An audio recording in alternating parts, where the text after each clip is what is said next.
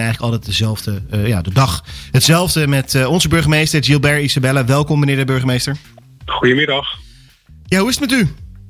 Nou, goed hoor. Ja, u, uh, na de, na de, ik had het net met Arthur, een van de, de grote bazen van het programma, had ik het erover. Dat ik toch wel een beetje een motivatieprobleem heb opgedaan na de persconferentie van, van, van premier Rutte. Ik had het wel aanzien komen, maar tegelijkertijd toch nog steeds teleurgesteld over het feit dat we nog niet met z'n allen naar buiten mogen. En dat het natuurlijk nog steeds ja. hè, langer duurt voordat we weer vrij mogen bewegen. Hoe gaat u daarmee? Ja, ja, ik kan me dat goed voorstellen, want mensen hebben natuurlijk toch een bepaalde verwachting. Maar goed, als burgemeester zie ik natuurlijk ook en krijg ik ontzettend veel informatie Waardoor ik al dacht van ja, dit wordt een kleine versoepeling van een aantal richtlijnen. Maar de meeste zullen gewoon in stand blijven. En dat is ook zo gebleven. Dus uh, gebleken. En ik dacht, ja, uh, wij gaan er gewoon nog steeds gewoon tegenaan. Ook als burgemeester in onze regio zijn we met elkaar samen met elkaar in contact. En we proberen toch binnen de regels ook het leven toch nog zo ja, prettig mogelijk te laten zijn voor onze inwoners waar dat uh, mogelijk is. Dus uh, we gaan gewoon weer opnieuw kijken wat uh, binnen de nieuwe richtlijnen mogelijk is voor onze jeugd. daar, kunnen we, daar kan weer gesport worden straks onder bepaalde voorwaarden. wethouder Kees van Dalen van Sport heeft ook al overleg gehad met alle sportclubs gisteren. En Sportpunt Houten zal daar een hele coördinerende rol in gaan spelen. En we gaan zoveel mogelijk de buitenruimte benutten. Zodat onze jongeren en onze jeugd ook weer gewoon volop dat, datgene kunnen doen. Lekker kunnen bewegen, een beetje sporten met elkaar. Zonder dat we daarbij de richtlijnen van corona niet zouden blijven volgen. Heel goed, heel goed. Nou, heel, heel duidelijk ook. Ik uh, wil er even inhaken op, uh, u geeft heel mooi aan, wij doen er alles aan om het leven van de houtenaar zo prettig mogelijk te houden. Hè? Onder voorbehoud van alle restricties. Ik heb een persoonlijke vraag. Wat doet u om uw leven zo prettig mogelijk te houden tijdens deze coronacrisis? Nou, dat, wat, wat helpt is toch uh, gewoon heel uh, druk zijn met, uh, met alle werkzaamheden die hier in het gemeentehuis op me liggen te wachten. Dus ik ben hard aan het werk. Het is ook wel wat extra werken, alles rondom corona wat het met zich meebrengt. je ziet dat ook onze ambtenaren, onze medewerkers, die allemaal vanuit huis werken, inmiddels weer goed op stoom zijn gekomen. Gewend zijn aan digitaal vergaderen en overleggen. Dus ook alle stukken komen weer goed op gang. Dat betekent dat we gewoon heel erg druk zijn binnen het college. Dus de wethouders zijn hard aan het werk, de burgemeester is hard aan het werk. Uh, en als ik uh, klaar ben, dan geniet ik op mijn balkon toch van het mooie weer wat ze ons gelukkig mee is gegeven. Ja. En ik zou ook eigenlijk iedereen ook willen roepen, geniet van, die, van, die, van het mooie weer. Maar blijf thuis, blijf zoveel mogelijk thuis, werk vanuit huis. En als je dan toch echt naar buiten moet, bewaar die anderhalve meter afstand. En hou die gewoon echt goed in acht. Het is echt belangrijk voor onze gezondheid. En die van anderen en van al die mensen die nu nog aan het werk zijn. In de zorg, in de ondersteuning, in de ziekenhuizen, bij de verzorgingshuizen. Dus u doet het ook voor de ander. Nou ja, terecht dat u dat nog benadrukt. Want hoe gaat u nog, ja, we hebben het al vaker over gehad hoor, maar hoe gaat u om met de mensen die zich niet aan de richtlijnen houden? Dus de jongeren die ja, kijk, samen scholen ja, op, op, op, op pleinen en zo? Ja, we hebben, we hebben gezegd dat we in de beginfase ook heel coulant zullen zijn. Hè, dus gewoon een waarschuwing geven. Uh, die tijd van waarschuwen is nu natuurlijk wel gewoon voorbij. Dus op het moment dat, hè, en alle waarschuwingen zijn netjes geregistreerd in onze systemen. Die van onze buitengewone opsporingsambtenaren, de BOA's en van de politie. Dus we weten precies wie er al een waarschuwing heeft gehad. En bij een volgende overtreding, ja, dan ben je de pineut. Ja. En dan heb je een vette bon aan je broek. En dat lijkt me zonde. Het is ook niet nodig. Dus ik zou ook echt onze jongeren en jeugd op willen roepen. Houd je gewoon netjes aan de richtlijnen. Hè? En we zijn redelijk soepel daar waar dat kan.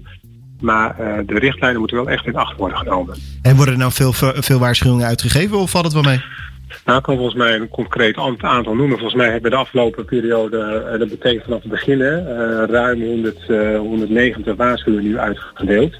Vind ik best dus veel. Dat ook, ja, dat zijn veel waarschuwingen, maar daar hebben we ook bewust voor gekozen. Omdat we hebben gezegd, we gaan niet direct onze jeugd op de bond slingen. Hè? Want we snappen dat iedereen een klein beetje aan moet wennen. Ja. Maar goed, wat ik al zei, die tijd van waarschuwing is wel voorbij. Um, uh, en er zijn de eerste bekeuringen volgen nu ook. Uh, maar gelukkig zijn dat er nog niet zo heel veel. Uh, want we willen ook niet iedereen het mes op de keel zetten. Nee. Maar weet wel, er zullen ook echt bekeuringen worden uitgedeeld. En zijn, er nou, zijn, zijn de bedragen van de bekeuring allemaal hetzelfde? Of heeft u nou nog verschillende hoogtes van boetes? Ja, volgens mij is voor de, de jeugd onder de 12 jaar, dat gaat dan naar de ouders toe, is dat wat lager. Ik ben dat bedrag even kwijt. Maar mm -hmm. uh, voor volwassenen, dus dat, dat is voor boven de, de leeftijd van 13 jaar, is het 390 euro. Dus dat Zo. is echt veel geld en dat is echt zonde, want het is niet nodig. Want binnen de richtlijnen kun je ook voldoende bewegingsruimte krijgen. En ik check het nog even, het zijn inderdaad 192 waarschuwingen die we inmiddels hebben uitgegeven en 15 bekeuringen. 15 bekeuringen?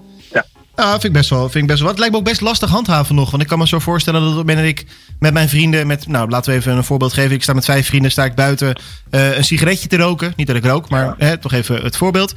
En de, de boa komt eraan en dan ga ik net even op anderhalve meter afstand staan. Ja, dan zeg ik toch tegen de boa, ja maar meneer, hey, kijk, ik sta op anderhalve meter afstand. Ja. Lijkt me lastig handhaven. Nee, dat, dat is ook lastig. En in die zin eh, heb ik ook echt bewondering voor onze BOA's en de politie. Want wat we eigenlijk hebben meegegeven als burgemeesters, van eh, als je zoiets ziet gebeuren, stap erop af, vraag vriendelijk of mensen zich wat er aan de hand is.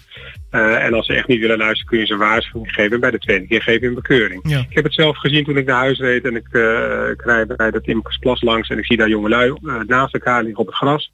Ik stapte even af. Ik zei, goh jongelui, zijn jullie stelletje? Nou, dan moesten ze een beetje lachen. En als dat niet het geval is, moet je echt anderhalve meter uit elkaar blijven. Want we hebben, zei, oh sorry burgemeester, hadden we niet in de gaten, geen opzet. En dan gaan ze gewoon uit elkaar. Ik heb het nog even gecheckt daarna en dan blijft het ook zo. Dus je kunt Goed. mensen best uh, uh, wijzen op de richtlijn. En soms is het heel onbewust. En dan zie je ook dat ze direct opvolgen. Dus we waarschuwen eerst netjes. Dan gaat het gesprek aan. Maar als net niet wil luisteren, dan volgt toch uiteindelijk wel die bekeuring. Nou, ik denk dat het een hele mooie afsluiter is van dit, goede, van dit fijne interview. Um, met andere woorden, mocht je mensen zien die bij een anderhalve meter van elkaar vandaan staan, help ze eraan herinneren dat dit niet mag. Ja, ik spreek mensen gewoon eventjes aan. Hè, want dat, ja, dat helpt echt. En uh, nou ja, dat is wat dan. Je ziet ook dat er elke dag weer wat anders is. Vandaag, ik wil hem toch even noemen, begint ook de Ramadan. Ja. Een belangrijke periode voor veel moslims in ons, uh, in ons Nederland en Zeker. ook in Houten. Uh, nou, ik denk dat het duidelijk is dat er overdag gevast wordt en dat na zonsondergang gezamenlijk met familie en vrienden wordt gegeten en gedronken. Uh, ik roep wel op, vier het vooral thuis. Blijf zoveel mogelijk thuis, ook in deze tijden waar de Ramadan wordt gevierd. Ja, en ik kijk tegelijkertijd Arthur even aan. Laten we eens kijken of wij iets kunnen doen met de Ramadan. En dat wij de, de, de moslims hier in Houten tijdens de Ramadan nog een extra hart onder de riem kunnen steken. Tijdens ja, dat zou, heel, dat zou heel mooi zijn. Ja. Want we weten dat ook de kerk in gezamenlijkheid allerlei uh, handelspandiensten verlenen aan inwoners. Dus het zou heel mooi zijn als het ook voor onze andere inwoners zou kunnen gelden. Nou, helemaal mee eens. Helemaal mee eens. Laten we zien dat wij uh, solidair zijn met iedereen. Precies. Daarom. Meneer de burgemeester, mag ik u weer heel erg bedanken voor vandaag. En, Graag gedaan. Uh, mocht het uitkomen, Fijn. bellen we u snel weer. Heel goed. Fijne middag en blijf gezond. U ook zo. U ook zo. Maak er een mooie dag van. Dit was meneer Isabella, de burgemeester van, uh, van onze mooie houten.